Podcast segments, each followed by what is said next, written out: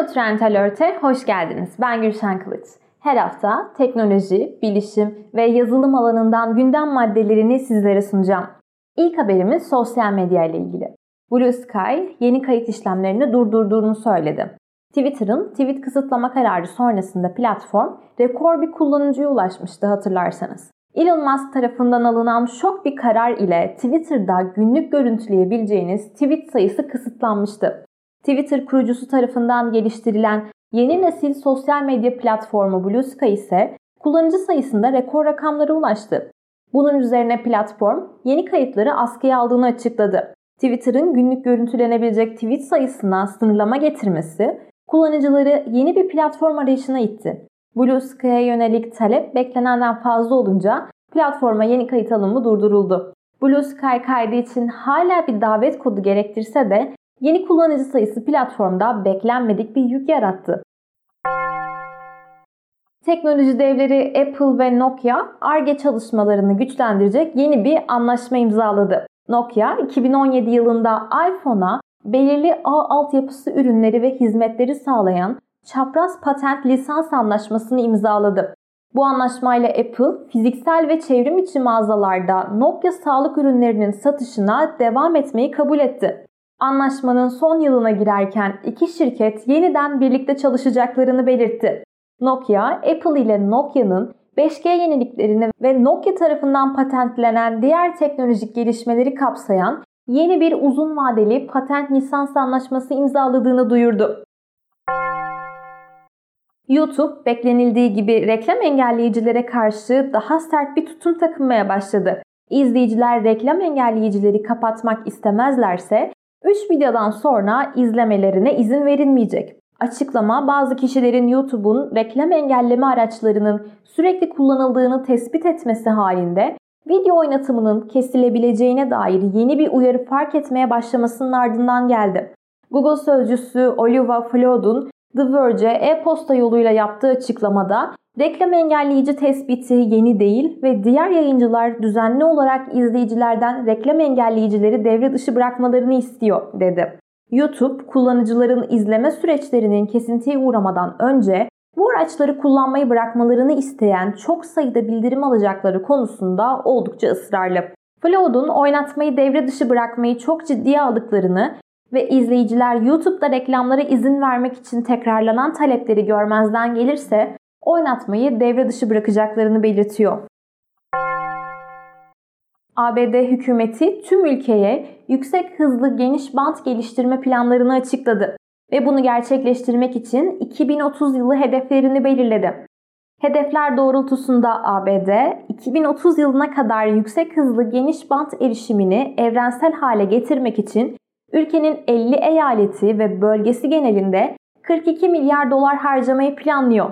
Başkan Joe Biden Beyaz Saray'da yaptığı konuşmada bu yüksek hızlı internete şimdiye kadar yapılan en büyük yatırım. Çünkü günümüz ekonomisinin herkes için işlenmesi için internet erişimi, elektrik, su ya da diğer temel hizmetler kadar önemlidir ifadelerini kullandı.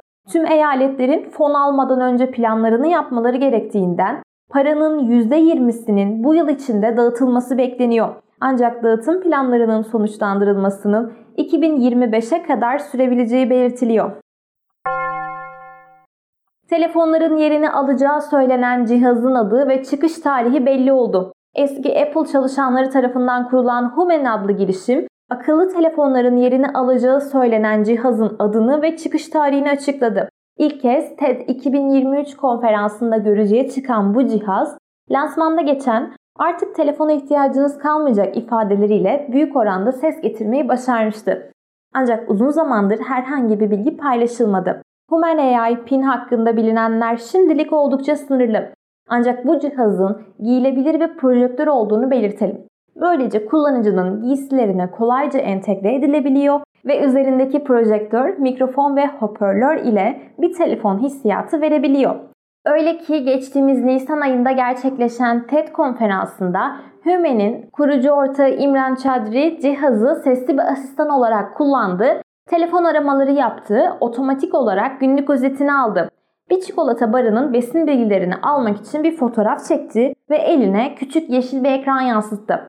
Ayrıca cihazın simültane çeviri özelliğine de sahip olduğu belirtilmişti. Bakalım ilerleyen günlerde neler olacak? Microsoft bulut tabanlı bir Windows işletim sistemi yayınlamayı planlıyor. Bu sayede şirket bilgisayar gereksinimini ortadan kaldıracak. FTC duruşmasının parçası olarak kamuya açıklanan sunumla birlikte Microsoft ile ilgili oldukça dikkat çekici bir bilgi ortaya çıktı. Bu sunuma göre şirket geniş bir kitle için bulut tabanlı Windows 365 sistemi geliştirme niyetinde. Bulut yaklaşık 10 yıl önce oldukça büyük bir teknoloji modası olarak yer alıyordu. Bugün çıkan bilgilere göre Microsoft Windows işletim sisteminin bulut tabanlı bir sürümünü piyasaya sürmeye hazırlanıyor. Söz konusu planın gerçekleşmesi durumunda bilgisayarlara gerek kalmayacak. Çin merkezli otomobil şirketi GAC, otomotiv sektörünü derinden etkileyecek bir ARGE çalışması gerçekleştirdi. İşte detayları. Çin merkezli otomobil şirketi dünyanın amonyakla çalışan ilk otomobil motorunu piyasaya sürdü. Motor GAC'nin ARGE ekibi tarafından geliştirildi ve sıvı amonyağı önceki denemelere göre daha verimli ve daha güvenli bir şekilde yakalabileceğini ortaya çıkardı. Amonyak maddesi karbon içermemesi ve yenilebilir olması nedeniyle araçlar için potansiyel bir alternatif yakıt özelliği taşıyor. GAC motorun benzin ve dizel gibi yakıtlara kıyasla karbon emisyonlarında %90 azalma sağlayabileceğini söyledi. Otomobil şirketi geliştirdiği 2 litrelik motor hakkında 120 kW güç oluşturabildiğini ve sıvı amonya güvenli ve verimli bir şekilde yakabildiğini söyledi. Dünyanın en önde gelen mesajlaşma platformlarından WhatsApp yeni bir zararlı yazılımla karşı karşıya. Siber güvenlik uzmanları WhatsApp yedekleme dosyalarını çalan ve dosyaları silmek için komutlar alabilen Android Gravity Rat casus yazılımının güncellenmiş bir sürümünü analiz etti. ESET araştırmacıları Android tabanlı Gravity Rat casus yazılımının BinChat ve Chatio mesajlaşma uygulamaları olarak dağıtılan güncellenmiş bir sürümünü tespit etti. Hindistan'daki kullanıcıları hedef alan saldırılarda kullanılan bir uzaktan erişim aracı olan Gravity Rat, Windows, Android ve macOS sürümlerinde bulunuyor. Gravity Rat'ın arkasında kim olduysa bilinmiyor. Daha önce belgelenen Space Cobra kampanyalarında olduğu gibi Chetio kampanyası da Hindistan'daki bir kullanıcıyı hedef aldı. Reddit'in tepki çeken API değişikliği sonrasında üçüncü taraf uygulamalar ayrılma kararı aldı. Popüler üçüncü taraf Reddit uygulamaları yavaş yavaş kapanmaya başlıyor. Web sitesinin yeni API kuralları yürürlüğe girmesinden sonra başlayan bu süreç devam edecek gibi duruyor. Kapanış kararından sonra Apollo kurucusu Christian Selig, Reddit'in fişi biraz erken çektiği ve uygulamanın web sitesindeki içeriğe erişimi kestiğini söyledi. Son zamanlarda meydana gelen teknolojik gelişmeler her geçen gün bizleri daha da şaşırtmaya devam ediyor. Ortaya çıkan son haberler teknolojinin ne kadar geliştiğini gözler önüne seriyor. Maryland Üniversitesi'ndeki bir grup araştırmacı göz yansıması görüntülerini 3D görüntüye çeviriyor. Yüksek çözünürlülüklü fotoğraflardaki kişilerin gözlerindeki yansımalardan nerede oldukları hakkında bilgi sahibi olmak mümkün. James Webb Uzay Teleskobu önemli bilimsel keşiflerine bir yenisini daha ekledi. Uzay teleskobu son olarak önemli bir karbon molekülü olan metil katyonu ilk kez tespit etti. Gökbilimciler James Webb Uzay Teleskobu'nu kullanarak uzayda ilk kez çok önemli bir karbon molekülü tespit ettiler. NASA'ya göre metil katyon ya da CH3 olarak adlandırılan bileşik Orion Nebulası'nda dünyadan yaklaşık 1350 ışık yılı uzaklıkta bulunan genç bir yıldız sisteminde ilk defa keşfedildi. James Webb'in gözünden yine hiçbir şey kaçmadı. Karbon bileşikleri bilim insanları için çok ilgi çekicidir. Çünkü bildiğimiz ve anladığımız şekliyle tüm yaşamın temelini oluştururlar. Metil katyonu ise daha karmaşık karbon bazlı moleküllerin oluşmasına yardımcı olan kilit bir bileşen olarak kabul ediliyor. Dünyada yaşamın nasıl başladığını ve geliştiğini anlamak, araştırmacıların evrenin başka yerlerinde de yaşamın mümkün olup olmadığını belirlemelerinde yardımcı olabilir.